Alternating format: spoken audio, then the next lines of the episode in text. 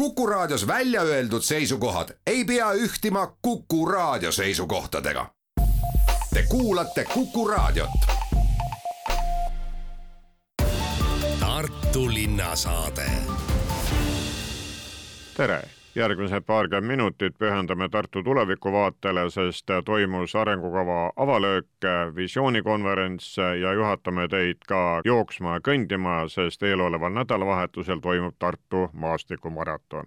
seitse intervjuud on teinud Madis Ligi. keskkonnateadlane Erik Puura, millele peaks siis ülikool keskenduma oma arengukava koostamisel?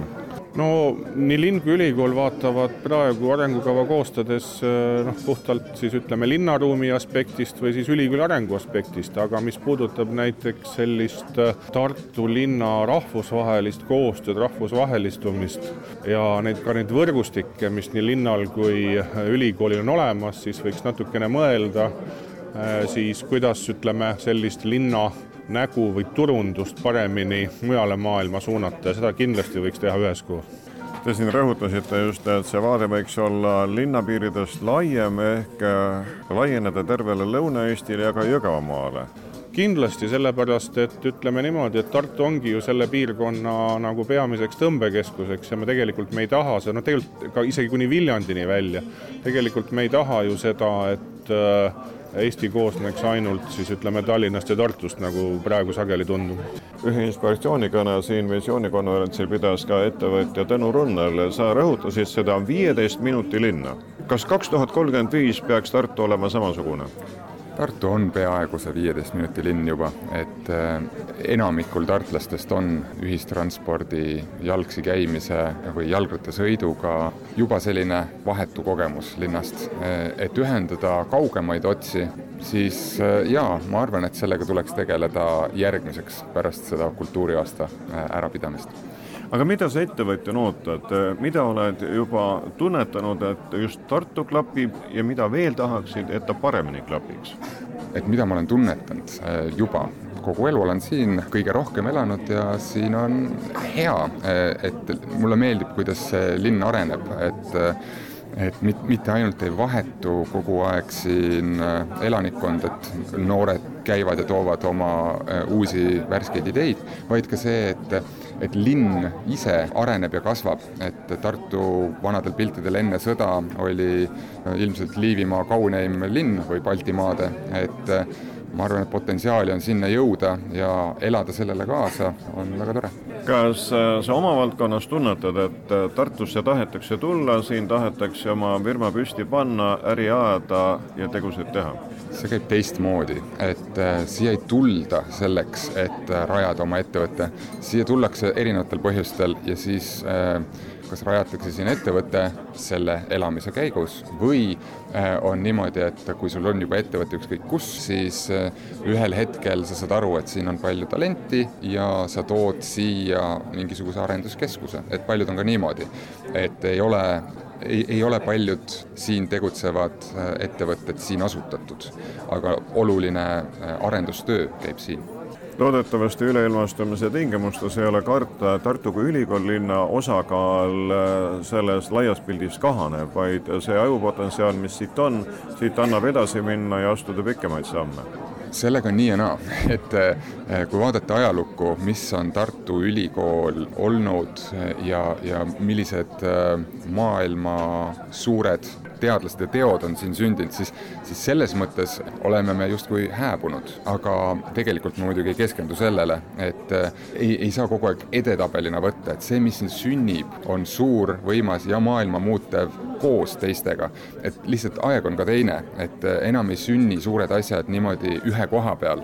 et, et mis suured asjad sündisid New Yorgis viimase kahekümne aasta jooksul ainult mitte miski, et kõik ongi rohkem ühin-, ühendatud ja, ja Tartu vaieldamatult on ja saab üha rohkem osaks äh, suurte asjade sündimisel üle terve maa ühendused on tähtsad, sa tundsid siin rõõmu, et äh, rongid käivad äh, ja rongiga on hea liikuda Tallinn-Tartu vahet. nüüd on vaja mõelda ka, kuidas pääseda kergemini Riiga-Helsingisse. ma arvan, et mõtlemisaeg on siin läbi et nüüd on vaja see ära teha visioonifoorumil astus üles ka kirjanik Berk Vaher, kes rõhutas, Tartu on UNESCO kirjanduslinn, kui vaadata nüüd kahe tuhande kolmekümne viienda aasta peale, mida me peaksime veel saavutama, kuhu astuma, mida tegema mm, -hmm. et Tartu osa paistaks rohkem välja? noh, praegu me tunneme selle üle rõõmu, et meil on äh, need ajutised residendid siin ja me tunneme selle üle rõõmu, et äh, Maimu Berg ja Mihkel Mutt on kolinud jälle Tartusse ja Paavo Matsin on nüüd nagu põlistartlane justkui aga noh, mida kindlasti UNESCO kirjanduslinnas võiks rohkem olla, on selliseid äh, väliskirjanikke, kes tulevad siia mitte korraks, vaid tulevadki siia elama. et siis me oleksime rahvusvaheline kirjanduslinn, kui meil oleks siin tõesti äh, püsivalt elavad mainekad autorid, kes kirjutavad äh, noh, millest nad tahavad, aga kirjutavad ka Tartust. et see oleks rahvusvaheliselt kirjanikele mõnus elukeskkond sa tõid väga huvitava võrdluse, mida saab kirjanduses palju laiemas plaanis tõmmata ja vaadata, see nimelt, et miks on eh, Emalinnas nii vähe punkareid? noh, need noored, noorte subkultuurid tulevad ja lähevad ja, ja noh, nagu ma ütlesin, et, et see on protesti subkultuur. Neid on palju siis, kui, kui selles elukeskkonnas on asjad halvasti. ja, ja noh, võib-olla asjad ei ole nii halvasti, aga teiselt poolt jällegi, kui linnapildis ringi vaadata selliseid äh, alternatiivselt riietuvaid noori ei ole üldse vähe, äkki me oleme ära harjunud sellega? äkki me tunnustame juba neid identiteete loomuliku Tartu osana ja minu meelest see on väga mõnus. Tallinki juht Paavo Nõgene, kui Tartu linn nüüd arengukava kokku hakkab panema aastani kaks tuhat kolmkümmend viis, siis eh, millele peaks selle põhirõhu panema? No minu jaoks Tartu linna nii-öelda roll maailmas, et kus on kõige suurem potentsiaal ikkagi tiirleb ümber Tartu Ülikooli ja sellega seotu, et on see delta õppehoone, kus tegelikult ju võiks kujuneda siis baas selleks, et Tartust saaks kujuneda kogu IT keskus Euroopas, siin ei saa rääkida ainult sellest, et kas oleks palju startup'e, vaid just nimelt see targa Äh, riigijuhtimise pool, et kuidas IT-d ja informaatikat ära kasutada, andmevahetus, andmete jagamine, andmete väärtus, IT-l on selles äh, ja Delta siis informaatika osal väga-väga suur äh, tähtsus. teine on kindlasti kõik see, mis on geenivaramuga seotud, et geenivaramu on nüüd väga pikalt kogunud andmeid ja, ja neid ka analüüsinud, mina näeks, et et ikkagi tuleviku meditsiini ja ravimitööstuse aju kogu maailmas on suures osas geenivaramu pealt äh, arendatav, sest et noh, geenivaramus on täna see ligi kakskümmend protsenti kogu Eesti elanikkonna andmestikust, see on tohutu baas selleks, et äh, mitte ainult arendada personaalmeditsiini, vaid arendada kogu meditsiini- ja ravimitööstust maailmas, kuidas ennetada kõike seda oluliselt laiemal baasil kui, kui ainult siin Eestis. ja noh, kui rääkida sellest, mis Euroopat täna kõige rohkem äh, mõjutab, on Ukraina sõda, on hakatud rääkima sellest, et kuidas Ukrainat äh, saaks peale sõda hakata üles ehitama, aga Ukraina vajab ka haridusabi, sest et lihtsalt väga paljud inimesed on, on tänaseks lahkunud ja kui Tartu Ülikoolil on täna olemas oma kolledž Tallinnas, Pärnus ja Narvas, siis võib-olla on õige hetk arutada, kas järgmine Tartu Ülikooli kolledž peaks olema Ukrainas. jätkan Margit Kelleriga. mida siis ülikoolil peaks tegema selleks, et kaks tuhat kolmkümmend viis võiks rahuga kätte tulla? üldiselt inimesed peaksid olema rahul juba sellega, mis meil täna tegelikult on. et ma väga, siin meie paneelis jäi ka kõlama see, et noh, liialt palju me oleme sellised ähm, ängistunud või vingume, seda võiks olla kindlasti vähem. Aga meie ees on teistpidi ka väga suured ülesanded, mis puudutavad kõiki asju, mis seostuvad kestliku arenguga, eks ole, et, et me noh, kliimamuutus on võib-olla kõige tuntum, aga kindlasti mitte ainukene, et me peame kuidagi suutma tagasi inimese ja looduse omavahelisse kooskõlla viia, et nad saaksid hakkama. nii et inimese vajadused oleksid rahuldatud ja et me püsiksime planeedi taluvuspiirides, nagu ütlevad loodusteadlased ja see on hiiglaslik ülesanne. ma arvan, Tartul on siin väga palju potentsiaali näidata Eesti piires eeskuju, olla julgete katsetuste linn, kus linn ja kogukonnad ja kodanikud toimetavad koos ja just nimelt neid väga noh, keerulisi muutusi koos teevad ja samas siis nende mudelite kaudu on muudele Eesti paikadele eeskujuks rattaringluse elurikkusega me oleme juba tähelepanu tõmmanud, äh, neid radu tuleks aga edasi käia hoolega. jaa, absoluutselt, et see on tänasel päeval siin ju väga palju kõnelenud ja me peaksime nii-öelda Eesti piires oma kogemust ka julgemalt eksportima. et noh, see, mida me teeme, noh, ja ka kaugemale loomulikult, mitte ainult Eesti piires, aga mida me ülikoolis teeme, eks me õpetame muutuste juhte kohe päris sellise nimega magistrikava on meil ja noh, seal me nende asjadega ka tegeleme, et siin on ka väga palju potentsiaali veel, kuidas linnaga paremini koostööd teha, et, et needsamad inimesed, kes meile õppima tulevad, tulevad ju üle Eesti, mitte ainult Tartust siin mõttevahetusest käis läbi ka see roheraha. noh, see on niisugune idee, mis kohe tekitas sellist, et noh, et kui mul juba on kõik nii roheline, millest ma ometi veel saan loobuda, eks ole. aga noh, see on mõtete ärgitamiseks pigem, Tartu ilmselt ei peaks muutuma enklaaviks, kus kehtib oma valuuta noh, Eestist lahku ei pea lugema, mitte seda, aga noh, mõelda seda, kuidas niisugused ähm, nii rohelised kui ka kogukonna ja ühiskonna mõttes head teod teha inimesele ka nii-öelda pragmaatilises mõttes atraktiivseks. lõppude lõpuks on ju ka selle arengukava koostamine, milleks ka see tänane visioonikonverents on äh, kõikide mõtete platvorm, äh, tribüün, et äh, tulebki pead kokku pista, veel on aega mõtteid vahetada. kirjutamine seisab ees, nii-öelda kokkukirjutamine noh, eks arengukava tegemine on jah, selline pikk ja hästi mitmete osapoolte protsess, aga noh, nagu, nagu kipub ikkagi vahel elus olema, et arengukavad ja päriselu elavad natuke erinevatel planeetidel, et see põhiline väljakutse on, on see päriselt ka ellu viia. aga ma väga väärtustan ka igasuguste selliste arendusprotsesside, just nimelt protsessi ennast, kus inimesed saavadki mõtteid vahetada, omavahel tuttavaks ja noh, ühest ideest hargneb teine et ma loodan väga, et see on niisugune väga-väga rikastav protsess, kus, kus lubatakse ka igasuguseid noh, võib-olla ajuvabasid mõtteid välja käia ja lubatakse eksida ja noh, olla nii-öelda vaba ja loominguline.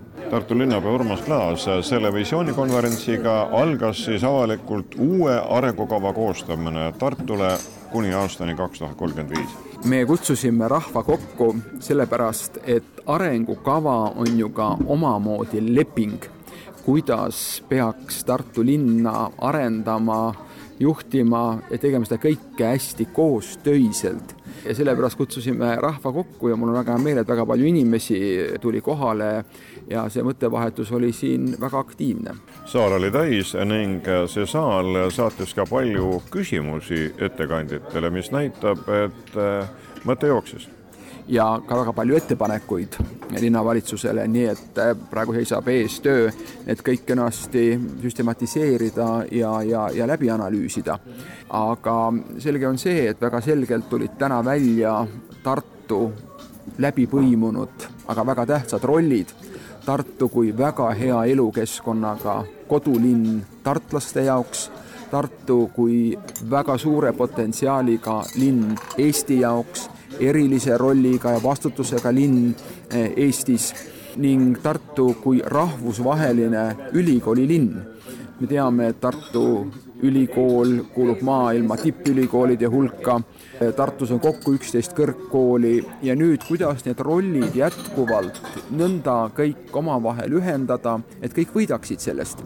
sellepärast, et Tartus on väga suur potentsiaal õppejõudude, teadlaste näol Nad on väga suure rahvusvahelise kogemusega inimesed, nende teadmisi on võimalik veelgi paremini ka linna arenguks kasutada.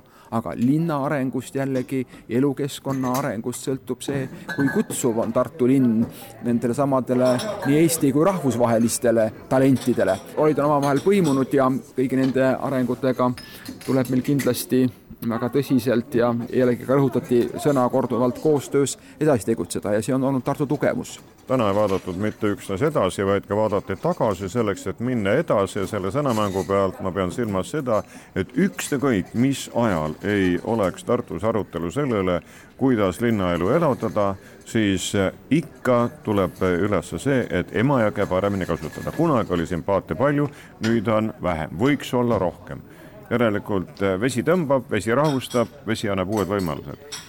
Emajõgi on ju see põhjus, äh, miks äh, Tartu linn asutati esivanemate poolt sinna, kus me parasjagu praegu oleme. Toomemägi ja Emajõgi olid ju need kaks tõmbavat jõudu. loomulikult sel ajal kommunikatsioon käis väga palju jõge pidi, praegu on ka teisi kommunikatsioonikanaleid ju juurde tulnud, maantee, raudtee, internet aga selge on see, et me oleme viimastel aastatel väga tõsiselt Emajõe eh, arendamisega tegelenud, nii et oleks elu nii Emajõe ääres kui Emajõe peal. praegu käivad suured tööd Emajõe vasakaldal Atlantise juures, kuhu tuleb ju täiesti uus promenaad Kaarsilla ja, ja Rahusilla vahele. Ja me tahame ka jätkuvalt veelgi pakkuda välja alasid kohvikute rajamiseks Emajõe äärde, Emajõe lähedusse. Ja oleme valmis ka loomulikult selleks, et lisaks juba nendele sadamatele, mis me oleme ehitanud, Karlova sadama või siis Lodjakoja ülespoole, et ka nendele tuleks tõepoolest ka selliseid rentnike kasutajaid, kes tooks ka rohkem paadilaenutust. nii et noh, see on üks näide, lisaks veel ka siin hiljuti ju sai korda väga ilusti tehtud Emajõe väliujula, aga muidugi võimalusi on, on palju. Tartu linnasaade saate lõpetame sportlikult ehk kutsega, kuidas emadepäeva sportlikult tähistada, sellepärast et sellel nädalavahetusel on ju Tartu maastikumaraton. sekretäriaadi juhataja Aet Nurk, tänavu on uutmoodi, sest kui tavaliselt on joostud Elva kandis või Otepäält Elvasse, siis sedakorda on kõik koos. sedakorda tiirutame kõikide distantsidega Elva ümbruse metsades ja eripära on ka see, et mitte meetritki ei ole asfaldil, kõik on pehmel pinnasel jooks ja natukene teistmoodi on ka lisaks sellele, et kõik stardid ja finišid algavad Elvast, on ka see, et kui oldi harjutud jooksma kümmet ja viit kilomeetrit ühtepidi, siis tänavu on keeratud kõik täpselt vastupidi. mitu tiiru tuleb teha, et see täispikk maha kokku saada? Kõik distantsid on ühel tiirul, et ringide, ringide lugemist ei ole vaja, et rajameister on leidnud metsa vahel just sellised mõnusad lõigud ja kohad, et on, on suutnud see nelikümmend kaks kilomeetrit ära mahutada. osaliselt oli see osalejate soov, et start ja finiš oleks ühes paigas. teine asi oli tegelikult see, et me oleme maastikumaraton, aga Otepäält väljajooksmisel oli kilomeetrite viisi sirget ja igavat asfaldit. kas see muutus kajastub ka aktiivsemas registreerimises, on kirjapanijad tavalisest enam? väga palju enam ei ole, koroona-aastatega võrreldes kasvu on, aga kas see on põhjustatud sellest, et saab nüüd starti minna kõikidel distantsidel ühte kohta, et seda me ilmselt teeme pärast, pärast jooksu osalejaküsitlusega, et mis neid mõjutas. Aga osalejaid on virtuaaljooksudel on vähemaks jäänud ja jälle kõik koos põhipäeval koos rajale minna on juurde tulnud, et see erinevus on küll mitme distantsi vahel on siis äh, Elva kandis võimalik valida? nagu ikka meie traditsioonilised äh, maratonidistants, nelikümmend kaks kilomeetrit, siis äh, põhijooksuna varem oli kakskümmend neli kilomeetrit, tänavusest on siis poolmaraton kakskümmend üks ja traditsioonilised kümme ja viis, mis on Elva radadel pluss siis see, et kui ei taha kohale tulla, siis saab kodukandis või kodumaal jooksu ära teha ja Tartu maratoni sarjas korra kirja. jah, virtuaalmaraton on juba avatud ja seal on ka juba lõpetajaid, juba ligi sada viiskümmend inimest on juba maastikumaratoni ära teinud loomulikult saavad ka väikesed jooksusõbrad oma osa, kuid sel aastal on siis lastejookse suisa kaks. Seekord on eripära see, et traditsioonilisele laupäevasele spordipargi jooksule oleme mõelnud, et kui emadepäeval tulla perega Elvasse kohale, siis oleks ka nendel noorematel ja väiksematel midagi teha ja Elvas on nüüd, nüüd jälle oma lastejooks, kus saab ka limpsi ja medali kuid äh, põhilasteprogramm on Tartus Tähtvere spordipargis? jaa, põhiprogramm on Tartus, aga see ei tähenda seda, et et kui vanemad lähevad Elvas jooksma, et laps peaks siis koju jääma või, või niisama metsa all igavlema, et ta saab veel ühe jooksu teha Elvas, et ja need mõlemad jooksud lähevad ka lasteklassiku arvestusse, aga kui ta mõlemad teeb, siis, siis arvesse läheb ikkagi üks kuid eh, kui palju on Tartu maratoni sarjas neid, kes panevad nii-öelda täispaketi terveks hooajaks, osalevad nii suusaüritustel, jooksu kui rattaomadel? Neid, kes panevad terve aasta korraga kirja, on jäänud aasta-aastalt nagu vähemaks aga meil on eh, selline meene neile, kes panevad viiele, kas ta paneb siis kõik korraga või, või siis järk-järgult, et see osaleja saab sellise mõnusa vööpudeli, joogipudeli, millega rajale minna või trenni teha, et me kutsume seda joogipuntsuks. Ja esimesed nelisada, kes kõigil kirjas on, et nemad saavad selle tasuta. kallid kuulajad, lõppev saade rääkis Tartu uue arengukava koostamisest ja visioonikonverentsil olid mikrofoni juures TalTechi arendusprorektor Erik Puura, kes enne oli samas ametis Tartu Ülikoolis, ettevõtja Tõnu Runnel, kirjanik Berk Vaher, Tallinki juht Paavo Nõgene, Tartu Ülikooli kaasprofessor Margit Keller ja linnapea Urmas Klaas uutmoodi toimuvast Tartu maastikumaratoonist andis ülevaate Tartu maratoni sekretariaadi juhataja Aet Nurk. intervjuud tegi Madis Ligi. aitäh kuulamast, olge terved! Tartu linnasaade